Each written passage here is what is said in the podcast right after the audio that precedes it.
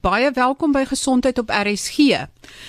Ons gesels altyd in hierdie program oor een of ander siekte toestand. Weet of dit nou suiker siekte is, kanker of wat dit ook al mag wees. Maar dit is altyd 'n pasiënt, 'n mens wat al daai simptome beleef wat ons hier beskryf, wat die behandeling ondervind wat ons hier beskryf. En vandag fokus ek op die mens. En my gas en ek is baie geëerd om haar in die ateljee te hê, is Nina Schumann. Baie bekende Suid-Afrikaanse pianis. En sy is gediagnoseer met Parkinson se siekte en ons gaan nou gesels oor hoe sy dit beleef en ervaar, hoe sy dit hanteer en wat ook in haar kopspasie aangaan, want dit is nie lekker of maklik om so 'n diagnose te kry nie. Maar sy's baie braaf en baie welkom in die ateljee Nina. Dankie Marie, heerlik om hier te wees. Ja, Nina, vertel vir ons wat was die hoe het jy agtergekom iets is anderste? Wel die ehm um, die eerste simptome wat ek ondervind het was in 2012, dit is nou al 8 jaar gelede wat ek 'n uh, dubbele mastektomie gehad het vir borskanker. En 6 maande daarna het ek iets snaaks gevoel in my linkerhand. Ehm um, en ek was toe op die ouend ek het oorgegaan na die Hanover Institute for Musicians Injuries en ek het daar 'n professor gesien. Ehm um, en hulle het dit gediagnoseer as fokale uh, dystonia in my linkerhand. Ehm um, en ek het behandeling daarvoor gekry oor die jare ehm um, deur professor Jonathan Carr wat die hoof van neurologie is by Universiteit Stellenbosch. Ehm um, en hy het op op 'n dag te sê net vir my maar hy wil toetse doen. Ehm um, nou dit was omtrent 4 en 'n half jaar gelede. En toe sê hy vir my, maar hy vermoed dit dalk Parkinsons. En ek was absoluut gevloer en het my oor 'n periode van 18 maande elke 2 maande gesien en dan sê hy nee, hy dink dit is nie, hy is nie seker nie.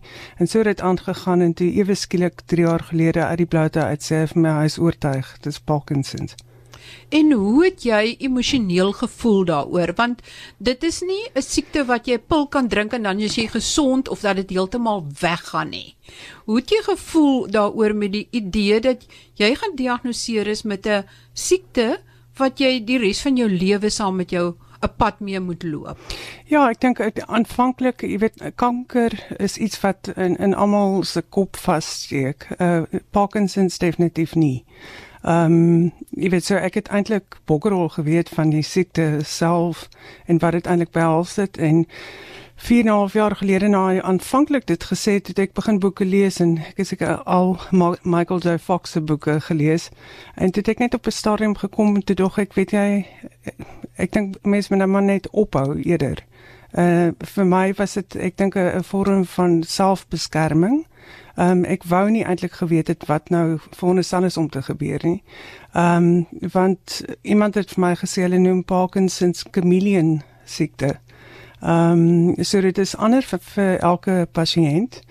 Ehm um, in my geval duidelik is dit nog baie stadig. So om myself te vergelyk met enigiemand anders gaan nie eintlik enigsins sin maak nie. Ehm um, so ja, dit was 'n enorme skok. Ehm um, ek dink wat vir my die ergste was, was die feit dat dit my spel geaffekteer ge het. Ehm um, want dit is wie ek is. Ja, ons gaan nou daarby kom van hoe dit jou fynmotoriese bewegings want dit is een van die eerste goed wat geaffekteer word is juis die fynmotoriese outomatiese bewegings en as 'n pianis dit kry, is dit soos jou lewe wat wat dan verander. Maar jy's heeltemal reg. In 'n onderhoud met professor Jonathan Carr het hy juist daarop gewys dat alle gevalle is verskillend. Alle vorms, daar's verskillende vorms van Parkinson se siekte en almal is nie dieselfde nie. Die verloop is nie heeltemal dieselfde nie. So jy kan nie eintlik heeltemal veralgemeen nie.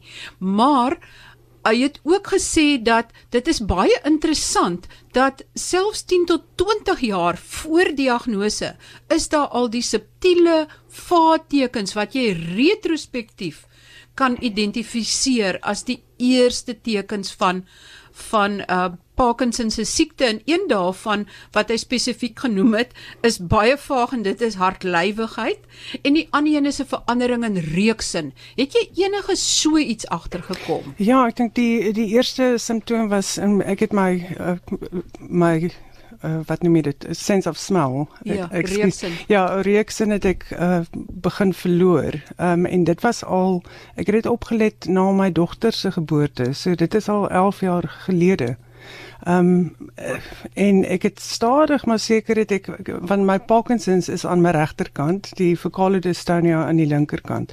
Ehm um, en ek het stadig maar seker opgehou om my arm te swaai. So dit was daai twee goed wat ek opgelet het. Ek het aanvanklik gedink dit is oor ek 'n skouersak dra oor my regter skouer en dit ek 'n rugsak begin dra en en my arm wou nog steeds nie swaai nie. Ja, ja, want hulle sê ook dis baie keer een van die tekens wat nie jouself noodwendig oplet nie, maar jou mense om jou. Dat as jy stap jy aan die een kant nie jou arm swaai soos wat jy gewoonlik dit sou swaai nie. Dit is half ook 'n baie vroeë teken. So jy dit absoluut ondervind. Ja, ek het ek het nie geweet wat dit was nie. Ehm um, my eksman het altyd my gesê swaai jou arm as jy loop. Jy weet ja. as asof ek dit eintlik kon beheer, maar ek bedoel ons het nie geweet nie. Ja, ja. En jy's nou 3 jaar terug as jy nou op uh, spesifiek gediagnoseer met Parkinson se siekte sonder dat professor Kaar nou enigstens twyfel daaraan. Maar hoe affekteer dit jou spel? Jy's 'n pianis, jy moet daai fyn bewegings maak en ek neem aan baie van jou handbewegings op die klavier is eintlik al outomaties. Kan jy agterkom dat dit anderste is en watter vingers is dit anderste mee. O, ehm um, enorm. Uh, dit 'n enorme impak gehad, maar ek moet sê ehm um, daar's before and after. Die voor en agter en die voor is voor dopamien wat ek begin neem het in, de, in Desember. Ehm um, en na is natuurlik vandag hoe ek nou voel. So ek dink die afgelope 3 jaar tot Desember was sielsdodend regtig, want die effek wat dit het, het in die eerste plek dit maak jou pols baie styf. So enige rotasiebeweging is ongelooflik moeilik. Ehm um, so klein fyn bewegings veral tussen die vierde en vyfde vinger vind ek problematies. Trills is omtrent onmoontlik om te doen. Ehm um, ek glo mens pas aan. Ehm um, op 'n sekere manier as iemand na my kyk, sou hulle net dink ek speel baie ekonomies en uh, maar dit het impak op die feit dat ek nie eintlik my boarm ook uh, vreeslik kan gebruik nie en so ek bedoel vir die vir die normale mens kan ek 'n wonderlike lewe hê. Ehm um, maar my beroep ja vir 'n pianis is het dit groot impak. Sjoe, maar hoe verwerk jy dit in jou kop? Wel, as ek nou daaraan dink, ehm um, ek dink ek het nie wonderlik gedoen nie om die eerlike waarheid te sê die afgelope 3 jaar. Ek dink ehm um, ek het daaroor gepraat met die onlangse berig. Dit maak mens op 'n manier lusteloos. Ehm um, en jy kan nie eintlik 'n toekoms sien. Ek praat nou in terme van my loopbaan. En ek dink daar was ek gelukkig want as ek nie daai loopbaan gehad het nie, het ek teen neergedruk geraak oor my lewe. so hierdie was 'n positiewe ding om my my aandag af te trek as jy as jy verstaan wat ek bedoel. Ehm um, maar nou met die dopamien wat ek begin neem het in Desember, dit het 'n enorme verskil gemaak. Ehm um, nie net in my gemoed, soos wat jy net nou genoem het nie. Ehm um, maar definitief 'n impak op my spel en ek voel fantasties. Ek voel asof ek weer wondere kan speel. So jy kan nou voel dat jy weer meer beheer het oor jou 4 en 5de vinger eintlik aan jou regterkant, nê, nee, spesifiek. Ja, aan die regterkant. En jou boarm en so aan, is voel jy bietjie beter? Voel dit ook bietjie beter? Dan moet daar's definitief meer vryheid. Ehm um, ek bedoel ek eksperimenteer 'n bietjie op die oomblik. Ek het aan, aanvanklik toe ek nou weer begin solo konserte speel het vir die eerste keer in ek dink 8 jaar of so iets. Ehm um, tot dusver het ek meestal gefokus op kamermusiek en daai tipe van ding. Ehm um, ek het meestal ou repertorium opgetel om te sien of juis of die spiere outomaties sal gaan en wat gaan gebeur met my breinfunksie. Ehm um, en toe ek in die laaste maand begin eksperimenteer met nuwe werke en dit werk nog steeds. So dis baie positief. Ja, dis baie interessant hoe die brein werk. Um is dat jy jy leer eintlik in daai deel van die brein wat nou spesifiek met die dopamien afhanklik is en die fynmotoriese outomatiese bewegings word dinge soos aanvanklik soos ek sê leer jy om fiets te ry en dan word die fietsry outomaties sodat dit eintlik die korteks kan vrystel sodat jy genoeg ruimte het in jou brein om weer nuwe goed aan te leer. Ja. So dis fantasties as jy steeds nuwe goed maklik kan aanleer. Weet dit is fisiologies is dit eintlik absoluut fantasties. Ja, ja. Nee, en uh, ek ons praat nou oor die mens, die ek dink die die belangrikste is ek verstaan nou wat 'n ongelooflike impak dit het op my gemoed. Die feit dat ek kan speel, dit maak my lewe soveel beter. Ja, en hulle sê ook soort van dat as jy begin met dopamien, dat dit dat meeste mense en mense kan nooit veralgemeen hê, het dit 'n baie goeie effek 5 na 10 jaar en dan kan hulle oorskakel na ander middels toe wat dan nog steeds die die dopamien eh, vlakke kan verhoog. En dit is baie belangrik dat die dopamien vlakke konstant bly maar nie te hoog nie, maar ook nie te laag nie. Weet dit uh, professor Kaar verduidelik. En jy voel soort van jy is nou nie skielik lus om te gaan dobbel nie, want dis die ander ding wat hulle sê, as jou dopamien vlakke te hoog raak, dan soek jy daai bevrediging die hele tyd en dan begin party mense sommer te dobbel vir daai kick wat hulle kry. Wel, as ek Candy Crush speel, tel dit. nee, so dan kan nie geld op die spel is. Nee, daar is nie geld op die spel nie. Ek het ek het wel gehoor van van hierdie simptome en, en vriende van my het dit baie erg ondervind. Hulle het hulle huis verloor en al daai dinge, maar ek is gelukkig. Ek het dit dit het ek nog nie ondervind nie. Ja, ons het maar dophou daarso is dit gebeur. My Candy Crush, ja. ja, ja. En beplan jy om so lank as moontlik as wat jy nog kan dan solo konserte te gee? Ja, weet jy die ehm um, dit was dit het nou dit eenvoudig net gebeur. Eintlik uh, dit was toevallig. Ek was van 'n same konsert te speel in Januarie met my eksman. Ehm um, en hy kon op die laaste minuut kon hy nie en dit het hulle gevra sal ek solo doen. En ek moet sê deesdae ek dink nie meer nie, ek antwoord net. So ek het net gesê ja en toe dink ek o, flip. na die tyd. Ehm um, so alles op die oomblik is ek sê ja en ek vat die challenge en ek kyk wat gebeur.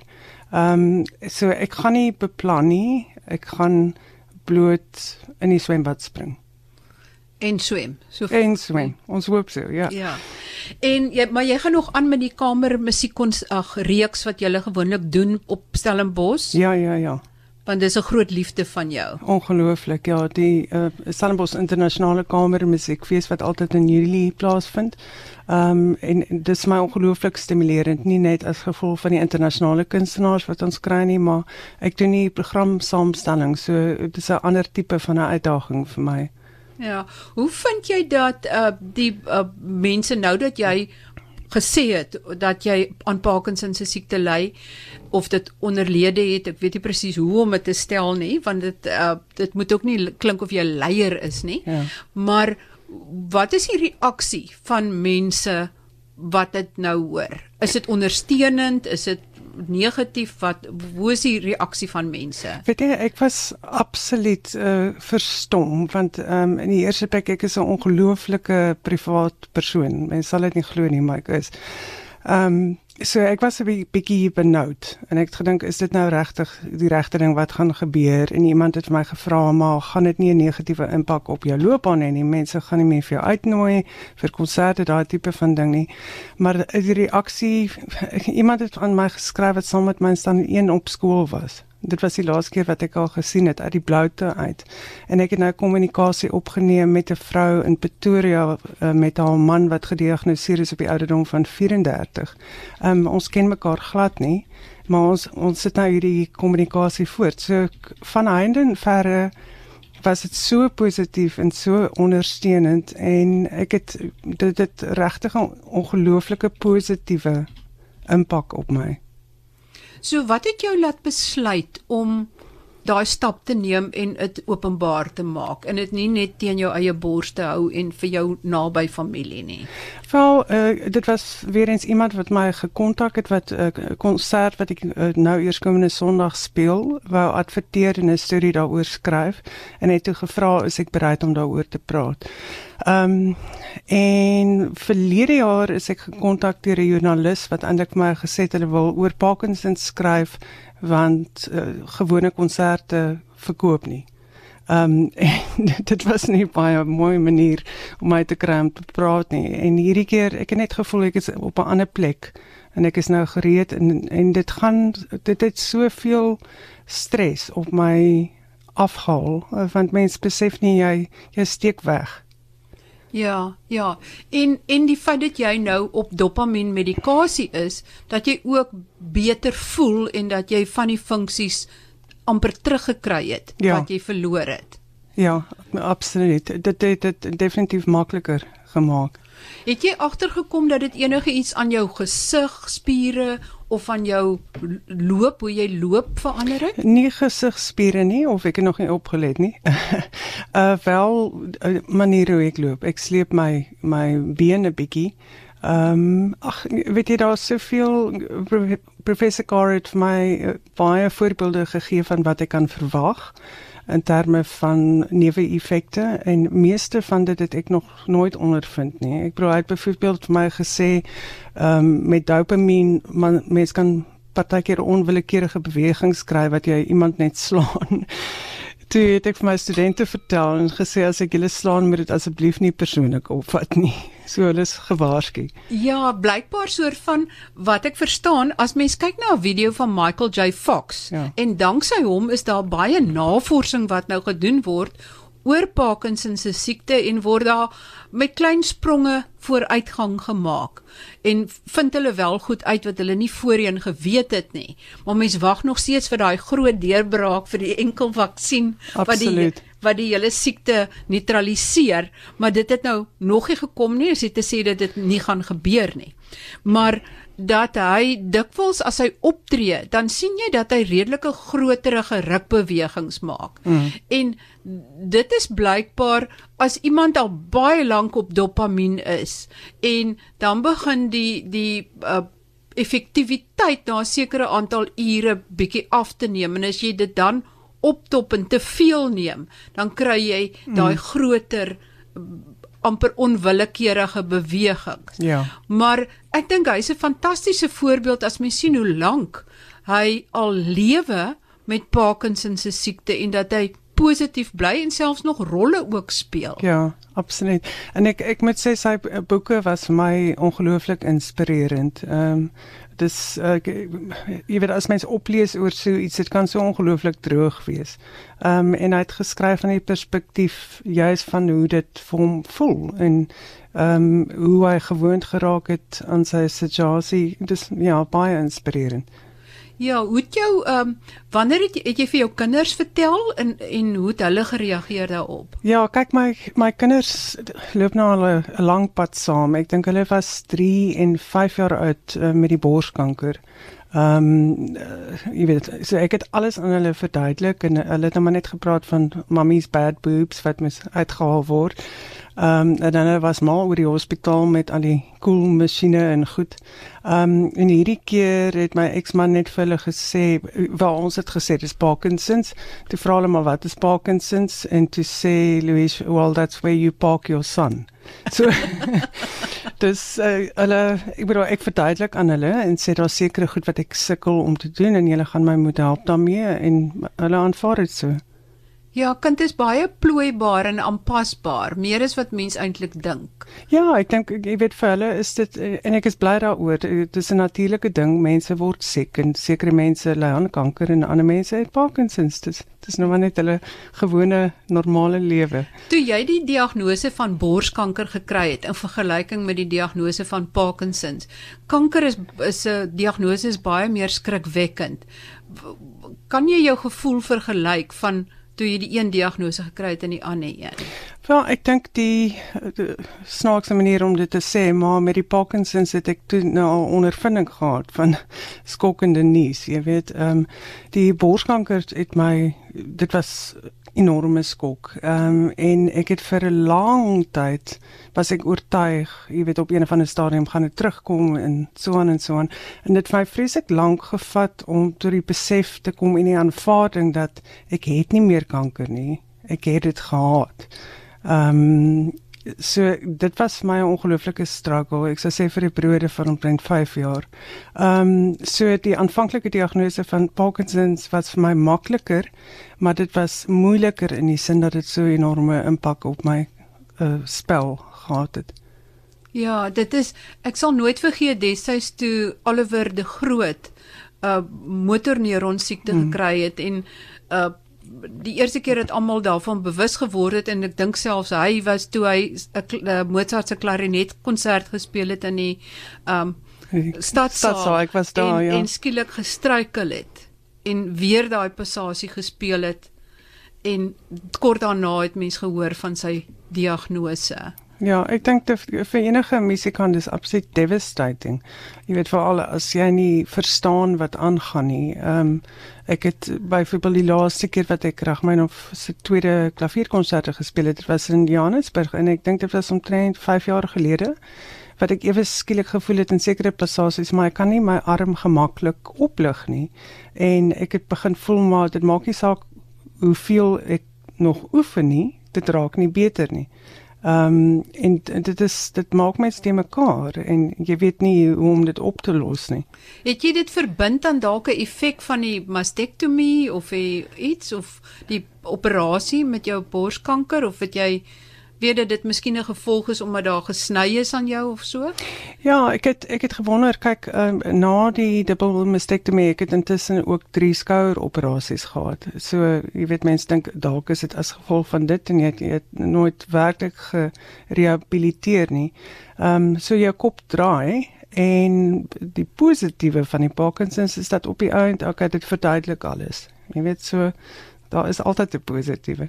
Ja, dit was ook vir my interessant uh, toe ek uh, op 'n keer in Europa by 'n groot neurologie kongres was, was daar 'n hele sessie oor Parkinson se siekte en ons is toe aan pasiënte voorgestel wat Parkinson se siekte het, maar hoe hulle eintlik op 'n ander manier begin kyk het na na dinge. Byvoorbeeld die een vrou was 'n kunstenaar en nadat sy gediagnoseer is, het die kleure waarmee sy geskilder het anderste geword. Sy het op 'n ander manier begin kyk en dit het op 'n vreemde manier haar lewe verryk.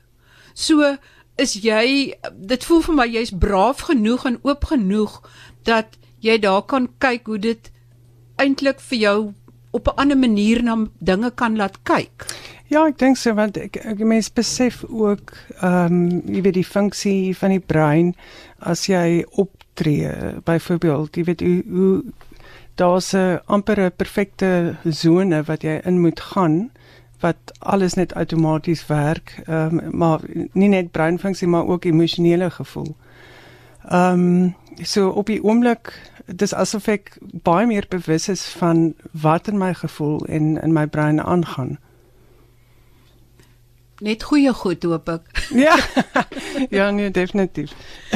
Hoorie so en ehm um, as jy soort van raad het vir iemand wat nou hierdie diagnose kry, wat sal jy sê vir so 'n persoon? Ek bedoel dis nie 'n lekker diagnose nie. Mense sal liewerste sonder dit wil wees. Ja, wel dit is wat dit is. Uh jy weet jy, jy kan dit nie wegwens nie. Ehm um, dit gaan jou nie veel help om te probeer verstaan waar jy dit gekry het nie. Dit gaan dit gaan ook jy weet my my pa het vir my gesê maar daar's absoluut niks in die familie nie en dis dis waar. So wat is die punt om te probeer uitvind waar dit vandaan kom? Ek dink dit is vir die dokters um, om oor te leer. Ehm um, ag ek dink die belangrikste is dat jy probeer kalm bly soveel as wat jy moontlik kan en aangaan met jou lewe want dit is iets wat by jou gaan bly vir 'n lang tyd. As jy nie meer kan speel nie, sal jy dan harder konsentreer op onderrig of Ehm um, wel ek het my kop het sit van in daai rigting begin draai. Ek bedoel ek het 'n baie vol studio eh, by Stellenbosch en wonderlike studente wat my ongelooflik ondersteun het oor die afgelope tyd. Ehm um, en ek is 'n baie passievolle onderwyser. Ehm um, so ek sal nog steeds aangaan. Dit die idee dat ek nie kan uh voorspeel nie is my moeilik om om te aanvaar. Ehm um, maar ja, sekerlik. Ek probeer ek sal nog steeds kan praat as ek nie kan speel nie. Ja, en steeds die regte note kan hoor. Ja, absoluut. Om vinnig te sê daar's ietsie fout wat jy daar doen. ja. Ja. Ehm um, Nina, baie baie dankie dat jy ingekom het en bereid was om met ons te gesels en ek waardeer dit verskriklik baie en baie sterkte met jou verdere loopbaan want ons sal nog baie graag die klanke wat jy optower uit die klavier wil hoor. En dankie dat jy braaf is. Dankie Marie, maar vir my is dit net so bevrydend. So dankie vir die geleentheid. Ja, so party mense wil meer weet, party mense wil nie meer weet nie. Party mense wil praat, party mense wil nie praat nie. Maar dankie Nina dat jy ligter voel nadat jy gepraat het en dis dalk 'n goeie voorbeeld vir ander mense wat dalk ook swaar dra aan 'n las van 'n siekte wat nie lekker is nie. Mense in jou omgewing is dalk meer ondersteunend as wat jy gedink het hulle gaan wees. Dankie Nina, baie sterkte. Baie dankie. En daarmee groet ek dan ook, uh, dis dan groete van my van uh, vanaf Marie Hudson vir gesondheid op RSG en volgende week gesels ek dan oor makulêre degenerasie, daardie oogsiekte wat die uh, middelkolvisie van jou stroop. Tot volgende week dan. Groete van my, Marie Hudson.